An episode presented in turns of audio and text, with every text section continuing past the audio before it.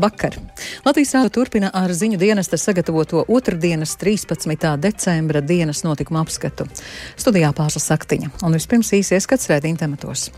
Finanšu un kapitāla tirgus komisija ilgstoši norādījis uz problēmām Baltic International Bank darbībā.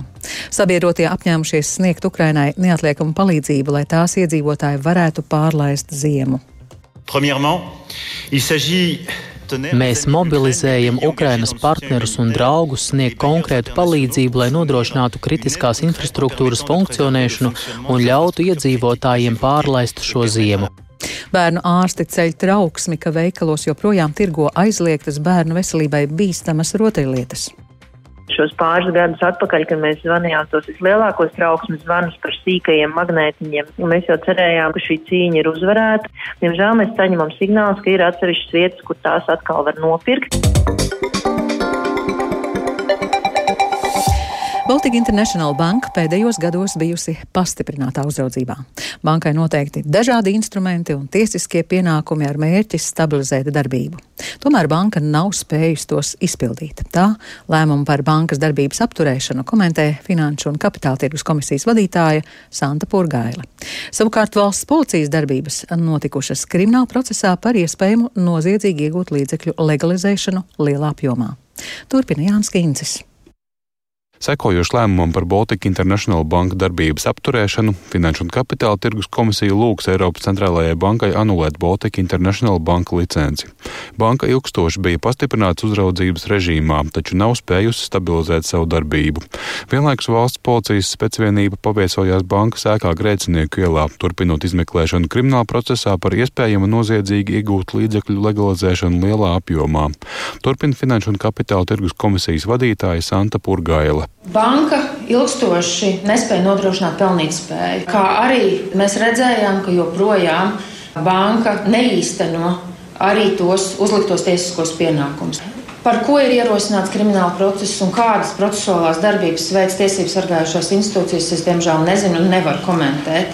Mēs zinām uh, tikai to, ka bankā nebija sakārtotas iekšējās kontrolas sistēmas atbilstošā līmenī, arī jomā, kas ir saistīti ar finanšu noziegumu novēršanu. Bankas vairākuma akciju īpašnieki Valērijas Belokoņš un Vilorijas Belokoņš bija vienojušies par daļu akciju pārdošanu apvienoto Arābu Emirātu šeiham, kurš kļūtu par bankas lielāko akcionāru. Tomēr šis darījums neguva Eiropas centrālās bankas un FKTK apstiprinājumu. Šobrīd komisija organizēs iespējamu ātru noguldījumu izmaksu bankas klientiem. Decembra sākumā Baltika International Bank bija kopumā 1580 klientu, bet 280 no viņiem bankas konta atlikuma likums ir nulle.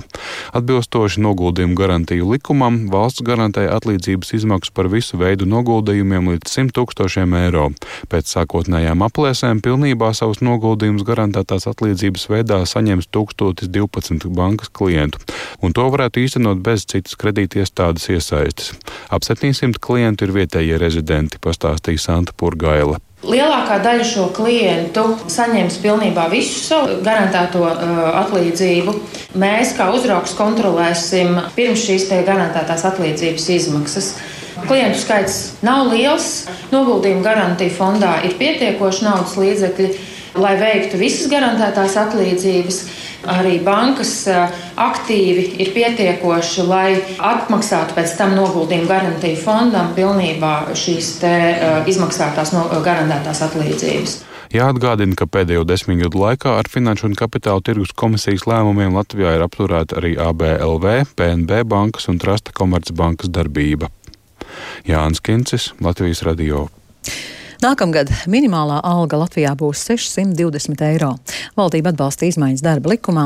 Minimālo algu no 500 līdz 620 eiro palielinās no nākamā gada 1. janvāra. Savukārt no 2024. gada minimālo algu palielinās līdz 700 eiro. Politiķi atzīmē, ka Lietuvā minimālā alga ir 730 eiro un Igaunijā 654 eiro.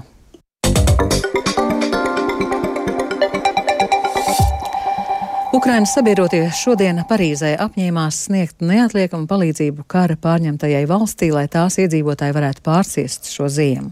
Tikmēr agresoru valsts Krievijas sabiedrotā Baltkrievija ir izsludinājusi bruņoto spēku kaujas gatavības pārbaudi un pievilkusi savus spēkus tuvu Ukrainas robežai. Plašāk Lūdzu Česberis. Krievija ikdienu turpina raķešu un artilērijas triecienus pa Ukrainas civilo un kritisko infrastruktūru. ANO paziņojusi, ka kopš 24. februāra kara darbībā ir nogalināti vismaz 6755 civiliedzīvotāji, bet vēl vairāk nekā 10 tūkstoši ir ievainoti. Miljoniem ukraiņu jau nedēļām ir spiesti dzīvot bez elektrības, apkures un ūdens, bet priekšā vēl ir ziemas mēneši. Šodien Parīzē notika Francijas prezidenta Emanuela Makrona rīkota konference, kurā sapulcēja piedalījās 46 valstu vadītāji un pārstāvji, uzņēmēji un palīdzības organizācijas, lai apspriestu, kādu tūlītēju palīdzību sabiedrotie var sniegt Ukrainai šajā ziemā. Atklājot konferenci, Makrons sacīja, ka Ukraina nav viena un sabiedrotie vēlas tai palīdzēt pārciest ziemu. Premièrement, il s'agit Mēs mobilizējam Ukrainas partnerus un draugus sniegt konkrētu palīdzību, lai nodrošinātu kritiskās infrastruktūras funkcionēšanu un ļautu iedzīvotājiem pārlaist šo ziemu. Enerģija, ūdens, pārtika, veselības aprūpe, transports, apģērbs. Es ceru, ka mūsu kolektīvā apņemšanās ļaus pārvarēt visus izaicinājumus un palīdzēt Ukraiņiem apmierināt visas nepieciešamākās vajadzības.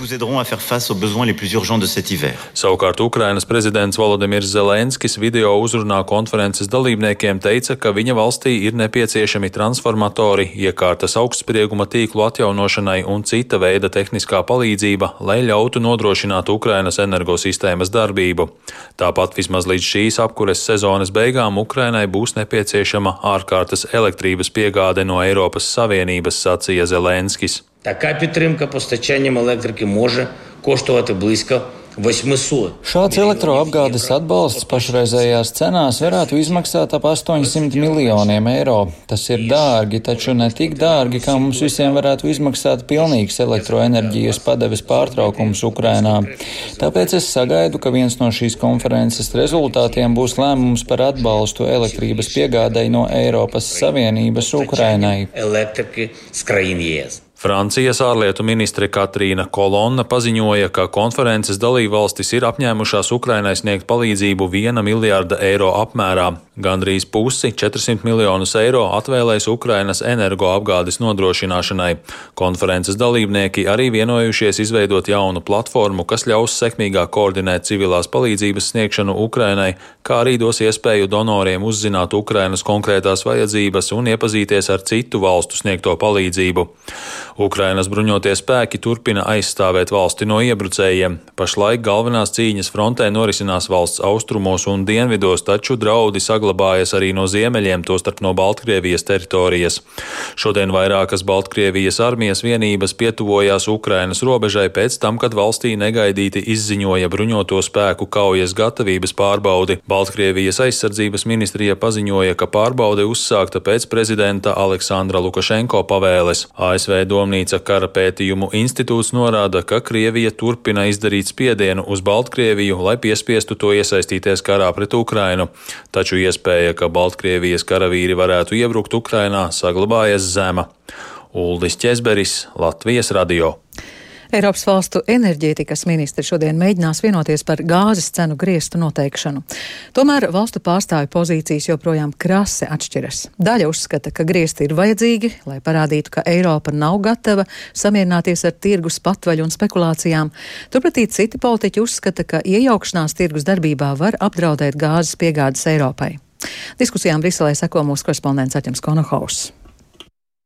Dienvidē Eiropas valstis joprojām uzskata, ka ir nepieciešams izveidot tā dēvētos dinamiskos gāzes cenu griestus.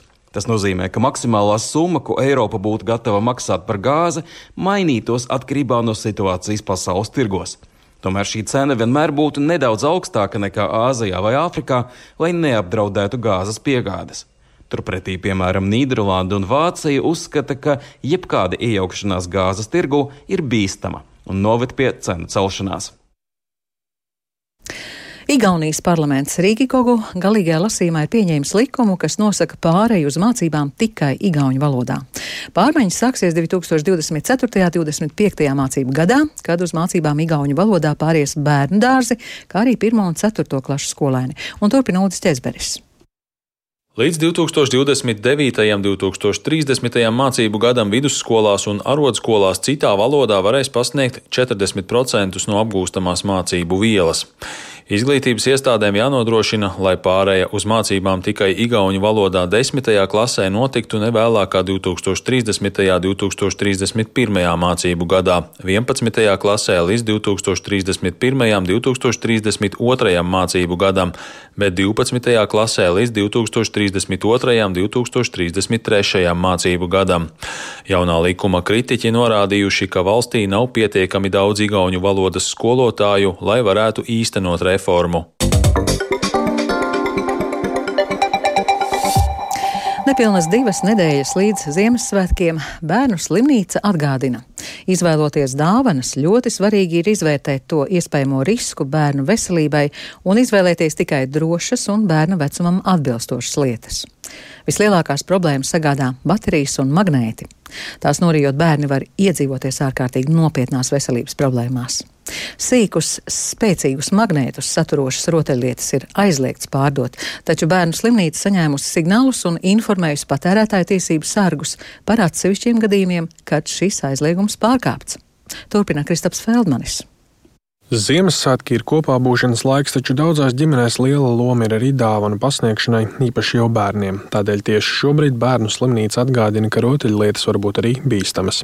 Piemēram, sīkus, spēcīgus magnētus saturošos konstruktorus aizliedza pārdot jau kādu laiku atpakaļ tieši tādēļ, ka to norīšana var radīt ļoti nopietnus zarnu trakta bojājumus, taču nu bērnu klīniskā universitātes slimnīca saņēmusi signālus, ka šāda veida mantas atkal manāmas atsevišķu veikalu plauktos. Turpina bērnu slimnīcas virs ārste Renāta Snipe. Šos pāris gadus atpakaļ, kad mēs zvanījām tos vislielākos trauksmes zvanus par sīkajiem magnētiņiem, tiešām bija vairāki bērni, kur šos magnētiņus bija norījuši, un dažiem bērniem šīs sekas bija ļoti smagas. Nācās veikt plašu apjomu operācijas ar daļu zarnu izņemšanas, kas ietekmē bērna dzīves un arī ģimenes dzīves kvalitāti uz visu atlikušo dzīvi. Mēs tiešām ļoti sadarbojāmies gan ar patērētāju tiesību aizsardzības centru, arī tirgotāji bija ļoti atsaucīgi, un mēs jau cerējām, ka šī cīņa ir uzvarēta uzvarētu.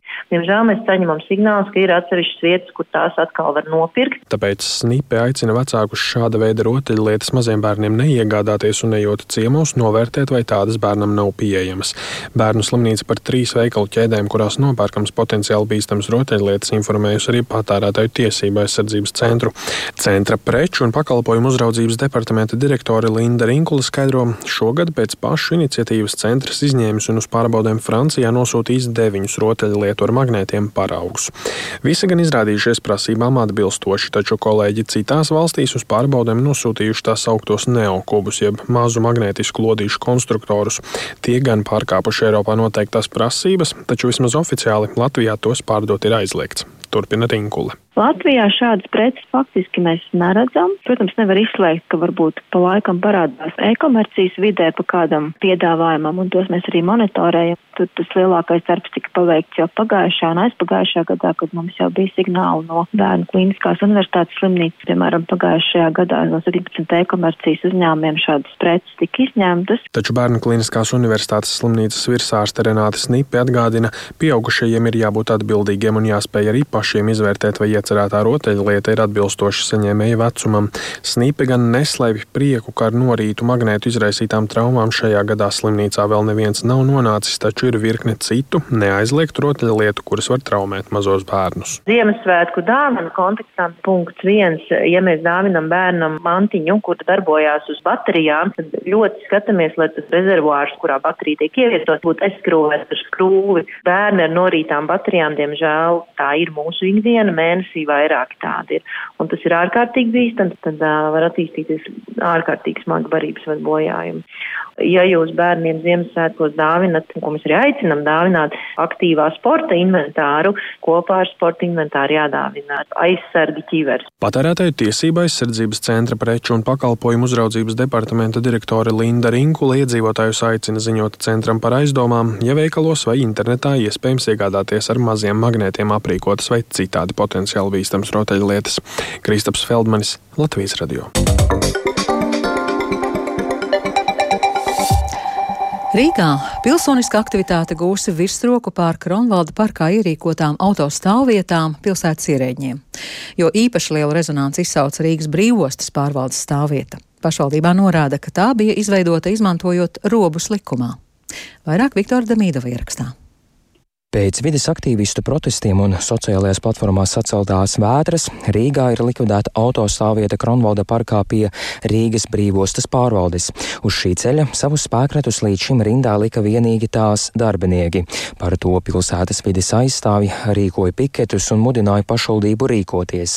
Tagad pie ēkas no Elizabetes ielas puses joprojām var piebraukt, bet apstāties ceļa malā ir aizliegts. Rīgas centra attīstības biedrības pārstāvis Ilmārs Millers norāda, norāda, ka organizācija domē jau gadu norādījusi, ka parkos privāto automašīnu pārvietošanās ir jāaizliedz. Procesu mēs raksturotu kā neviennozīmīgu, jo šo jautājumu mēs pacēlām visiem esošās koalīcijas eh, deputātiem jau pirms gada. Toreiz tas jautājums tikko tika pieminēta brīvos, tā, tā kā strauji apklus arī no paša deputāta puses. Līdz ar to mums liekas, ka uh, tur bija šī situācija, kad kāds ir pārāks par visiem pārējiem, un tie lēmumi tik viegli nenāk. Nu, cerams, ka tagad tas ledus būs salūzis un tie lēmumi nāks vieglāk. Pirmkārt, es pateicos sabiedrībai par to, ka vērsa uzmanību šī jautājuma risināšanā. Tas, manuprāt, tiešām arī pierāda to, ka sabiedrība nav vienaldzīga un interesē rūp arī publiskā vide apkārt. Rīgas domas mājokļu un vides komitejas jaunā vadītāja Selīna Vancāne no paraprogresīvajiem atklāja, ka departaments iepriekš aicināja brīvostas pārvaldi mašīnas parkā neatstāt, taču kompromisu nevarēja rast. Tāpēc vietvara stāvvietas nolēma likvidēt. Šīs stāvvietas nebija sabiedrības stāvvietas, tās nebija iedzīvotājiem, tās bija izmantotas kaut kādā veidā, izmantojot nu, likuma robus, tika iegūtas. Viņas arī nebija juridiski līdz galam saistošas. Nē, tam es noteikti nepiekrītu. Pirmkārt, ja mēs skatāmies no juridiskā viedokļa, tā absolūti nebija nekāda stāvvieta. Tātad bija izstrādāts projekts. Nu, Brīvostas pārvaldes pārvaldnieka vietnieks Mārtiņš Ziemanis saskata problēmas domas tagadējā lēmumā, norādot, ka pašvaldība juridiski nav rīkojusies pareizi. Tajā pat laikā viņš atzīst, ka nolemto respektēs. Automašīnām nebūtu jāstāv ne vecrīgā, ne parkā, ne arī citur, man liekas, vēsturiskajā centrā bet, protams, ir jārisina šī situācija globāli. Noteikti, ka pašvaldībai pirms eh, kaut ko aizliedz būt tāds īstermiņa risinājums, ir jādomā, kā, kā šo problēmu risināt globāli. Nu, vai tad tiem eh, darbiniekiem nodrošināt attiecīgu sabiedrisko transportu. Ja? Pašvaldība Kronvalda parkā ir slēgusi vēl vienu stāvvietu, kas atrodas Kronvalda bulvārī 4 pie tagadējās Latvijas Mākslas akadēmijas ēkas. Un no jaunā gada mēģinās slēgt arī transporta kustību no Krišjāņa Valdemāra ielas, caurbraucot Kronvalda parkam uz kongresu namam piegulošo teritoriju un ārlietu ministrijai piederīgo teritoriju. Viktors Demir Midovs Latvijas radio. Augstajā laikā Liepājā nakts patversmē nonākuši cilvēki, kuri nespēj samaksāt par saviem mājokļiem. Tā ir nepatīkama tendence. Taltīs stādījos skaidro patversmē. Pašlaik Liepājā patversmē atrodas aptuveni 80 bezpajumtnieku, taču uzņemot tā, uzņemt tā var 120. Tāpēc šobrīd nepieciešamās vietas iespējams pilsētā nodrošināt. Daļa no bezpajumtniekiem uz patversmi nedodas, jo nevēlas ievērot iestādes noteikumus. Kāda ir situācija Liepājā? Vairāk interesēsies Inga Ozola. Sākoties ziemai, Liepājas nakts patversmē palielinās apmeklētāju skaits. Aktivitāte sākusies novembrī, un arī šobrīd jūtams cilvēku pieplūdums. Taču šogad ir kāda jauna nepatīkama tendence, stāsta Liepājas nakts patversmes vadītāja Oksana Martīnova. Patreiz tā diezgan raiķināti, un šogad uh, izmaiņas tajā, kādi tie klienti nāk, ir tādi, kas nav tipiskie nakts patversmes klienti.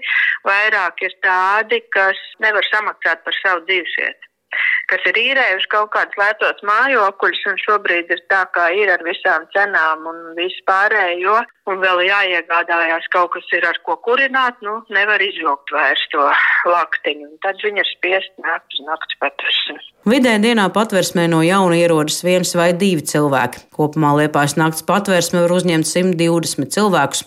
Augstajā laikā tur atrodas aptuveni 80, siltākā laikā ap 50 simts ir tas vidējais, bet uz doto brīdi ir 80 cilvēku, un, un nav vēl tā, ka mēs esam pārpildīti, vietas vēl ir un, un būs noteikti, un arī, ja, ja būs saspiestāk, vienalga mēs vietu atradīsim, jo tāpēc, kad atstāt tā augstā laikā ārā, kad ir saules un šādi, tā kā šodien laika apstākļi un soli visu nedēļu, mēs loģiski, ka nevaram nevienu. Daļa no bezpajumtniekiem uz patvērsmi nevēlas doties, kaut arī laukā ir ļoti augsts stāsta Liepājas pašvaldības policijas sabiedrisko attiecību speciāliste Elva Lubāne. Mūsu darbinieki te jau vienmēr apaicājas, piedāvā doties uz šo patvērsni, bet um, šie cilvēki nevēlas tur doties, vai arī viņi dodas nelabprāt.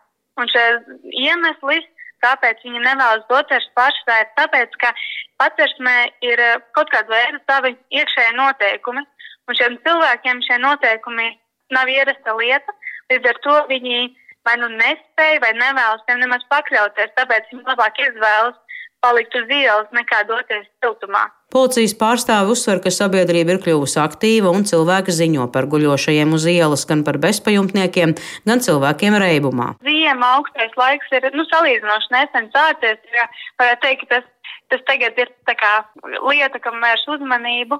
Neatkarīgi no laika apstākļiem vai gada laika, mums ir ļoti daudz izsaukumu par šiem cilvēkiem bez noteiktas dzīves vietas, un uh, viņi ir tiešām daudz, un mēs, mūsu darbinieki reaģē.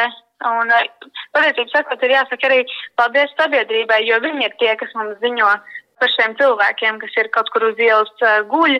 Bieži cilvēki ir tieši alkohola reibumā un tāpēc nonākuši bezpalīdzīgā stāvoklī, skaidro Elva Lubāne. Uz ielas ir kaut kur augstumā, vienkārši aizmiguši.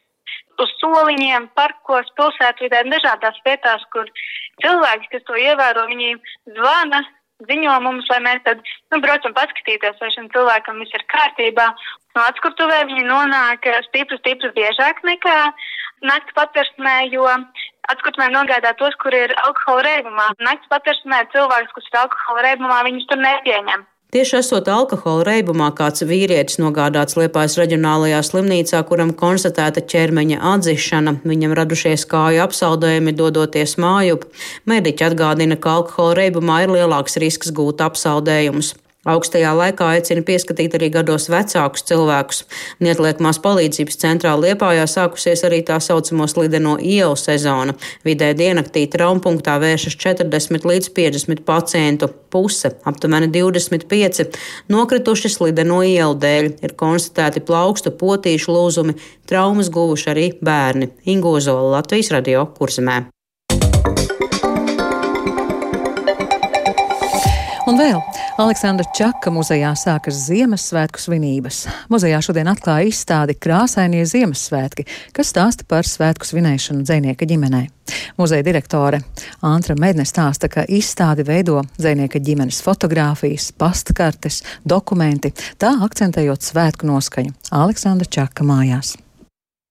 Kā mēs zinām, tad Aleksandrs Čaks bija pareizticīgais kopā ar tēvu, bet māte savukārt bija luterāne. Līdz ar to tā svētku svinēšana Ziemassvētku sākās no 24. decembra un varēja beigties apmēram 7. janvārī. Diemžēl nav saglabājies neviens dokuments, kas apliecinātu, ka Čaks būtu gājis konkrēt uz kādu baznīcu. Ir tikai nostāsti par to, ka brīvības un Lāčplēša ielas stūrī uz Aleksandra Ņevska katedrālu viņš šad un tad ir aizstaigājis, bet tādu precīzu stāstu, ka visa ģimene būtu gājusi uz baznīcu, mums nav.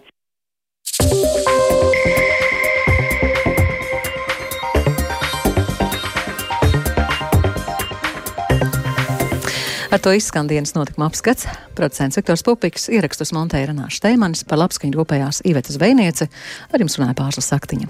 Vēl īsi par svarīgāko. Finanšu un kapitāla tirgus komisija ilgstoši norādījusi uz problēmām Baltic International Bank darbībā. Sabiedrotie apņēmušies sniegt Ukrainai neatliekamo palīdzību, lai tās iedzīvotāji varētu pārciest ziemu. Baltkrievija izsludinājusi bruņoto spēku kaujas gatavības pārbaudi un pievilkusi savus spēkus tuvu Ukrainas robežai. Eiropas Savienības valstu enerģija enerģētikas ministri mēģina vienoties par gāzes cenu griestiem. Rīgā slēdz stāvvietas Kronvalda parkā. Latvijas radio ziņām sekojiet arī Latvijas radio viens Facebook lapā un LSMLV. Klausieties mūs arī Latvijas radio mobilajā lietotnē.